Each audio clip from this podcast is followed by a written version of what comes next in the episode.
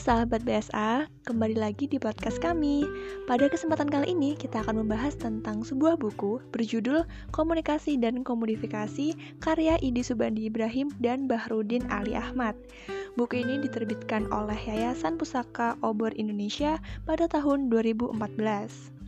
Buku ini berisi tentang kritik komunikasi dengan perspektif ekonomi politik dan budaya yang berada pada ranah industri media dalam kehidupan sehari-hari. Sebelum kita lanjut membahas buku ini, kita harus tahu dulu dong definisi dari komodifikasi itu apa. Komodifikasi menurut Vincent Moscow yaitu proses mengubah barang dan jasa termasuk komunikasi yang dinilai karena kegunaannya menjadi komoditas yang dinilai karena apa yang akan mereka berikan di pasar.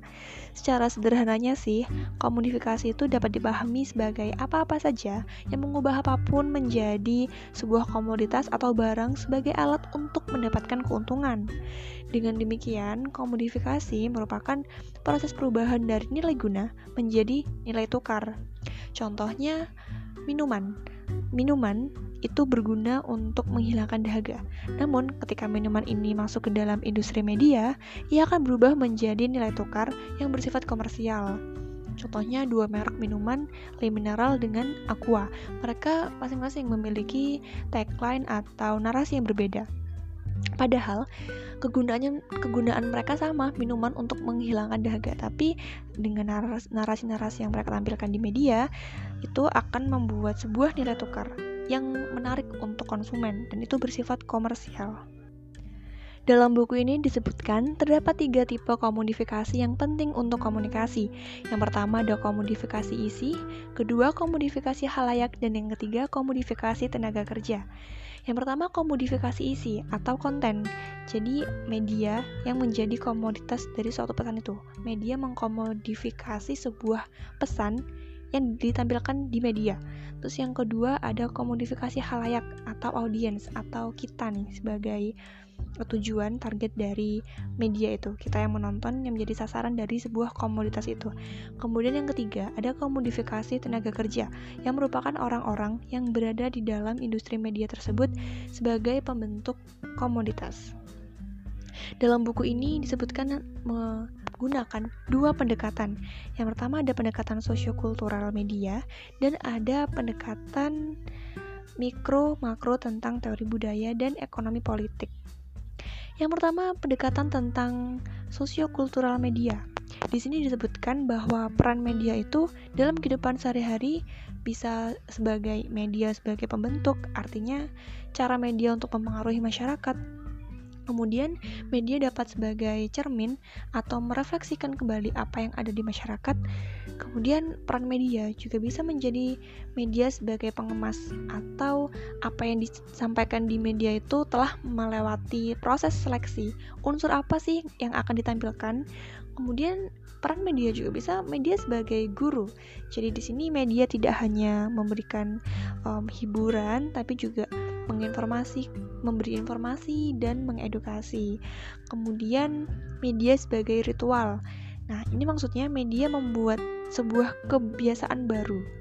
Contohnya um, waktu di zaman dahulu di ruang keluarga kalau zaman dahulu sebelum ada media massa seperti televisi um, anggota keluarga akan berkumpul di ruang tengah dan berbagi cerita namun setelah adanya teknologi komunikasi yang masuk uh, televisi contohnya masuk di sebuah ruang keluarga jadi mereka memiliki kebiasaan baru seperti nonton bersama kemudian ada peran juga peran media sebagai Tuhan nah ini sebuah um, analogi jadi kenapa Tuhan? Karena di sini media memiliki penganut atau pengikut dan di sini media dijadikan sebagai uh, segala-galanya.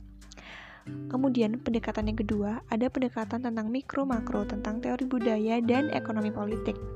Nah, pendekatan mikronya di sini itu lebih kepada teori budayanya yang melihat bagaimana media itu mempengaruhi kehidupan sehari-hari, sedangkan pendekatan makro pada teori ekonomi politik yang melihat bagaimana tatanan masyarakat, tatanan sosial secara keseluruhan. Ya, jadi tatanan masyarakat modern kita itu memiliki elit yang mulai mengembangkan kekuasaannya melalui budaya massa yang mampu memaksa dan mempengaruhi kehidupan sehari-hari atau di sini disebut sebagai konglomerasi media. Para elit ini menggunakan media untuk memperoleh profit dan mempengaruhi masyarakat.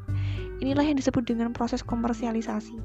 Dari sinilah muncul istilah kekuatan ekonomi adalah basis dari kekuatan politik.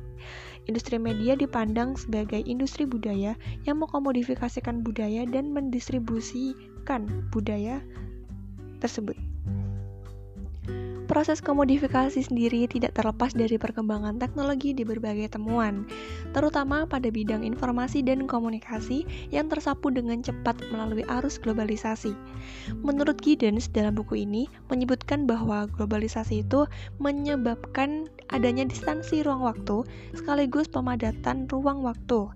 Dalam konteks globalisasi media yang dianggap lebih dari pengukuhan imperialisme kolonialisasi baru kapitalisme media global membentuk suatu hegemoni, fragmentasi kehidupan, dan regimentasi. Contohnya apa yang terjadi pada remaja-remaja kita. Pada saat media menawarkan hiburan global, mereka juga menawarkan gaya hidup, budaya, dan nilai bagi anak-anak muda yang tengah gelisah mencari identitas diri. Maka Apakah bedanya gaya pakaian, corak rambut, aksesoris tubuh anak-anak muda yang kini ada di Tiongkok, Hong Kong, Singapura, Jepang, Korea, bahkan di Indonesia? Apalagi kalau kita sejenak melihat ke acara-acara pentas musik pop, grup-grup band anak muda, atau saat mereka sedang jalan-jalan di mall bahkan di kampus yang kini mulai menjadi bagian dari panggung pementasan gaya hidup yang serba homogen. Selanjutnya muncul sebuah kritik atas arus industrialisasi budaya dan media. Apakah ini tuh ada di global village kah atau global village?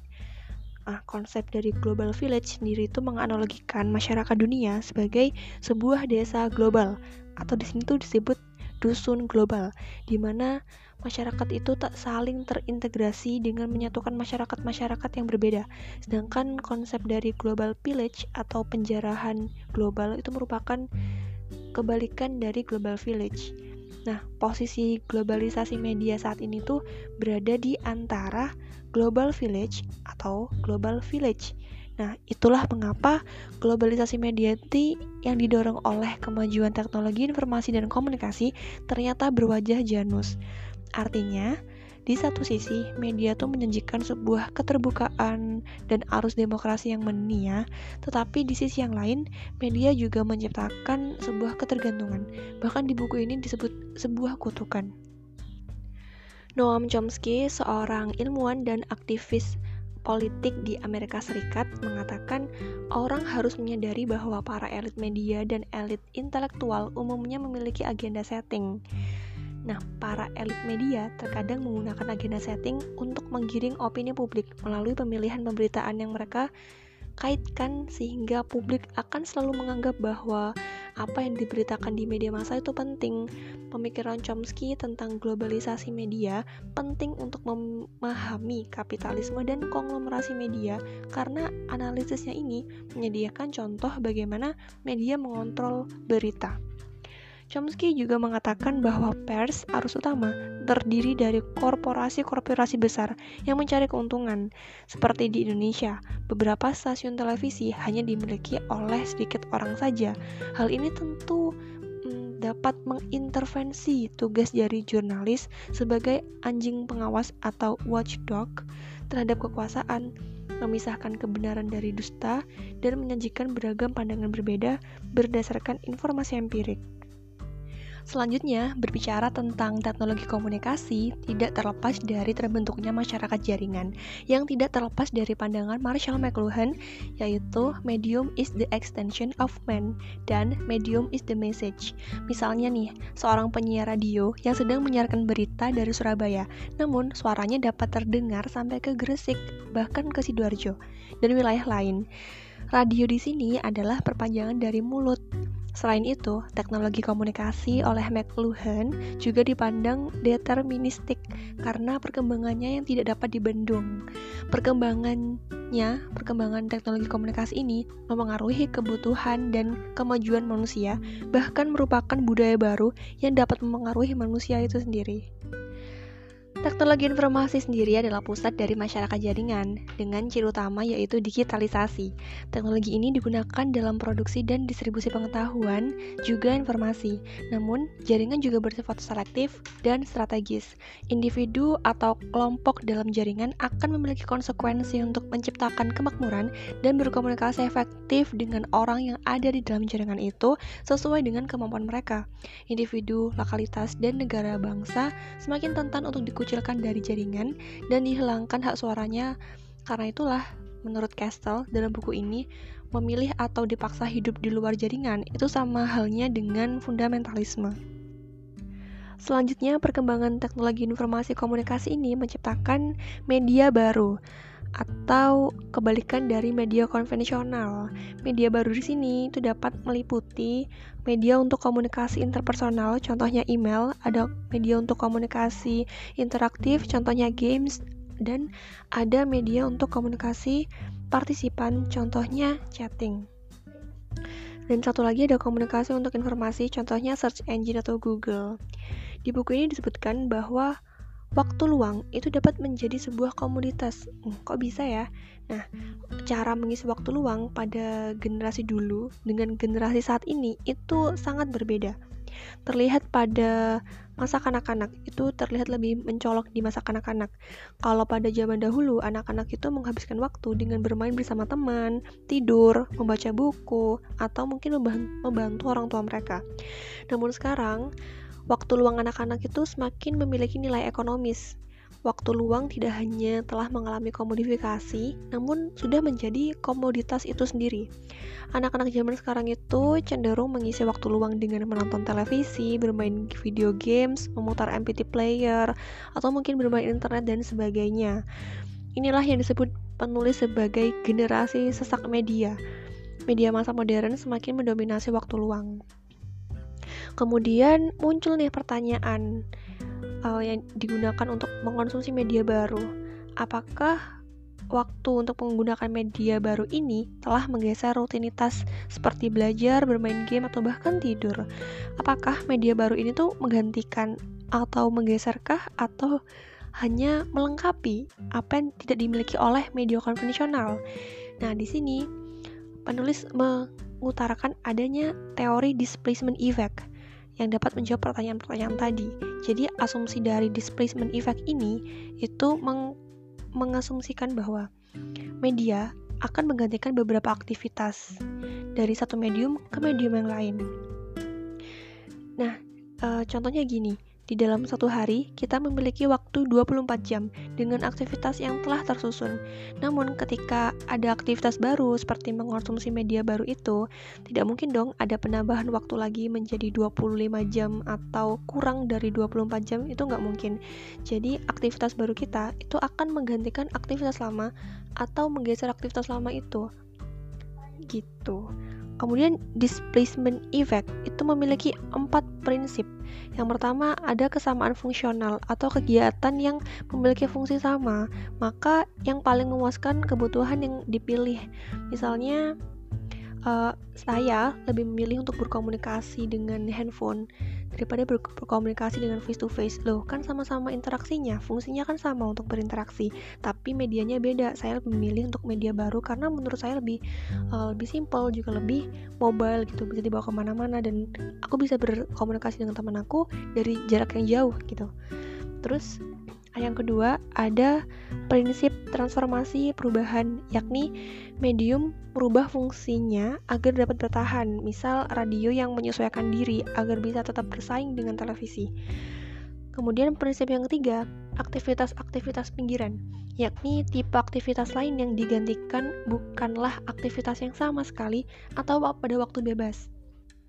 Contohnya ada nggak sih, uh, kalian ada melihat ibu kalian misalnya lagi memasak sambil mendengarkan televisi atau memasak sambil memutar lagu. Nah, ini media baru di sini.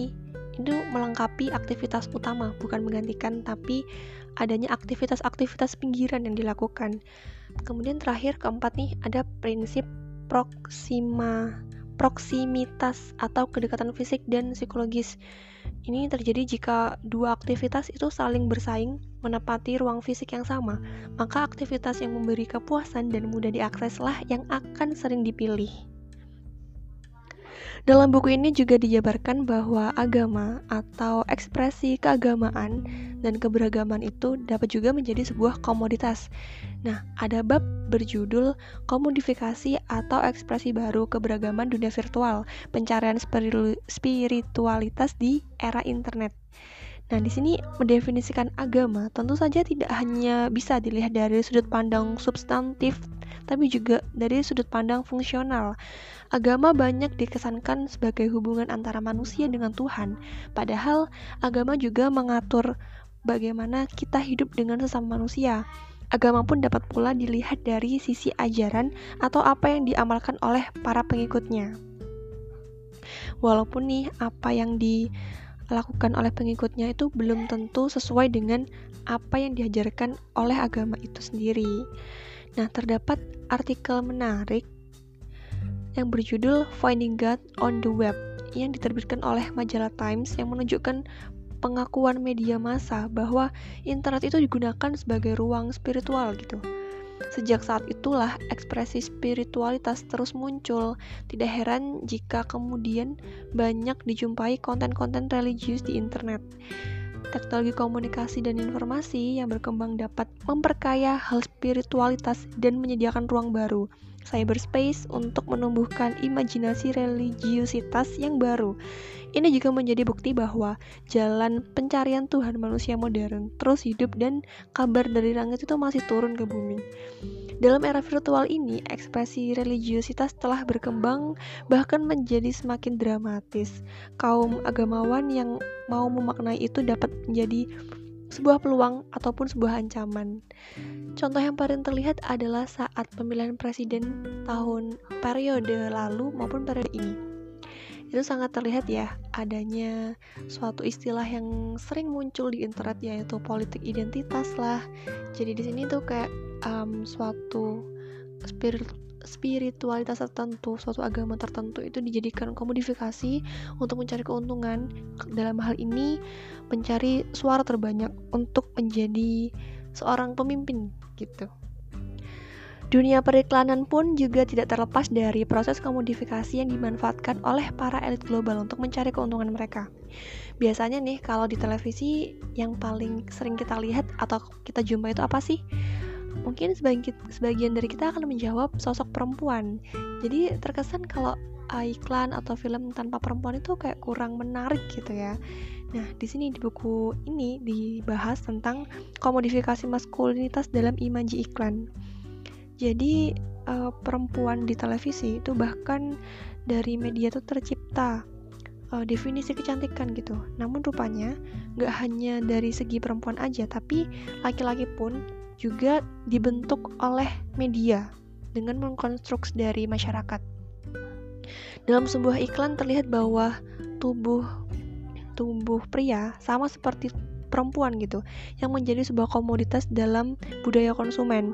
Pemajangan tubuh di sini dilakukan untuk menjual komoditas dan menyebarkan versi tertentu mengenai kejantanan dan yang diidealkan. Yang dicontohkan dalam buku ini ada contoh iklan rokok A. Mild yang menunjukkan model pria berbadan kekar dengan tulisan cowok maco. Dan ini tuh uh, merupakan konstruksi kekuasaan tubuh pria yang yang jantan, yang maskulin, dimaksudkan untuk menjual produk yaitu produk rokok dalam konteks ini. Jadi media massa, terutama iklan, dalam masyarakat kapitalis dan budaya konsumen memainkan peran penting dalam mengkonstruksi, memproduksi, dan mengkomodifikasi fantasi-fantasi maskulin hegemonik. Maskulinitas di dalam iklan adalah konstruksi ideal tentang kejantanan dan ketampanan pria yang diberikan sentuhan makna maskulin dan simbol kekuatan seksualitas pria. Jika tadi kita membahas tentang maskulinitas, nah sekarang kita akan membahas tentang halayak perempuan nih. Di buku ini ada bab berjudul menjadikan halayak perempuan sebagai subjek aktif. Bias gender media belum sepenuhnya hilang. Perempuan dalam media itu sering kali digambarkan sebagai peran domestik atau seperti ibu rumah tangga, sosok yang patuh dalam keluarga, yang bahagia dan dikelilingi oleh suami dan anak-anak. Sedangkan laki-laki itu digambarkan berada di ranah publik. Morley dalam buku ini tuh menyebutkan dalam kajiannya bahwa kebanyakan laki-laki itu menganggap rumah sebagai ruang waktu luang di mana mereka bisa bersantai dan beristirahat setelah bekerja. Sedangkan bagi kebanyakan perempuan, rumah adalah ruang untuk bekerja, di mana mereka tuh harus mencocokkan jadwal antara pekerjaan rumah mereka dan kapan mereka harus bersantai. Dalam kajian ini juga diketahui bahwa program televisi itu program televisi yang diminati perempuan itu cenderung yang remeh seperti reality show, sinetron dan sebagainya yang menyangkut kehidupan sehari-hari. Nah, itu berbeda dengan program televisi yang diminati oleh laki-laki yang cenderung program dengan cita rasa yang bagus dan lebih serius gitu. Hal ini tuh tentu mempengaruhi bagaimana halayak perempuan dapat membaca atau memahami sebuah teks. Nah, teks di sini tuh bukan hanya teks yang tulisan ya, tapi teks di sini adalah sesuatu yang bisa dimaknai. Uh, misalnya ada gestur atau kan kita biasanya menyebut coba dong baca gesturnya. Nah, baca gestur kan kita disuruh membaca nih. Nah, membaca di sini kayak memahami maksudnya tuh apa sih gitu halayak perempuan dapat melakukan dedomestifikasi atau menghapus proses domestik itu dengan cara memilih narasi tertentu dan bagaimana mereka memahami teks secara berbeda. Dengan adanya istilah konglomerasi media atau kekuatan para elit yang berusaha untuk mempengaruhi opini publik atau mempengaruhi publik dalam hal yang lainnya atau mengkomodifikasikan sesuatu untuk mencari keuntungan sendiri, terdapat respon dari masyarakat yang ingin keluar dari ranah dari ranah komodifikasi ini. Jadi mereka seperti membuat sebuah media alternatif sebagai forum publik. Respon atas globalisasi media itu menuai banyak protes tingkat global maupun lokal yang pada akhirnya tuh melahirkan sebuah media alternatif di berbagai negara. Independent Media Center contohnya itu merupakan media alternatif yang independen dalam masyarakat demokrasi. Media alternatif ini dapat menjadi kekuatan pro demokrasi maupun sebagai forum publik alternatif. Ciri penting media alternatif yaitu bersih, berukuran kecil, counter hegemoni, bersifat non-komersial maupun non-profit. Ciri penting lainnya yaitu bersifat kritis dan fokus utamanya pada ide beberapa ragam media alternatif seperti media komunitas, media etnis, media penerbitan kampus, media bawah tanah, media selebgram selebaran keagamaan, penerbitan NGO, media protes, atau bahkan bisa lewat media musik, lagu-lagu atau film, ada juga alternatif bacaan dan sebagainya. Terakhir dalam buku ini tuh Penulis menitipkan pesan untuk calon ilmuwan dan peneliti muda untuk selalu menjaga perspektif historis dan terus berjuang memelihara kesehatan intelektual maupun spiritualitas kita. Sekian uraian dari buku Komunikasi dan Komunifikasi, mengkaji media dan budaya dalam dinamika globalisasi. Terima kasih, semoga bermanfaat.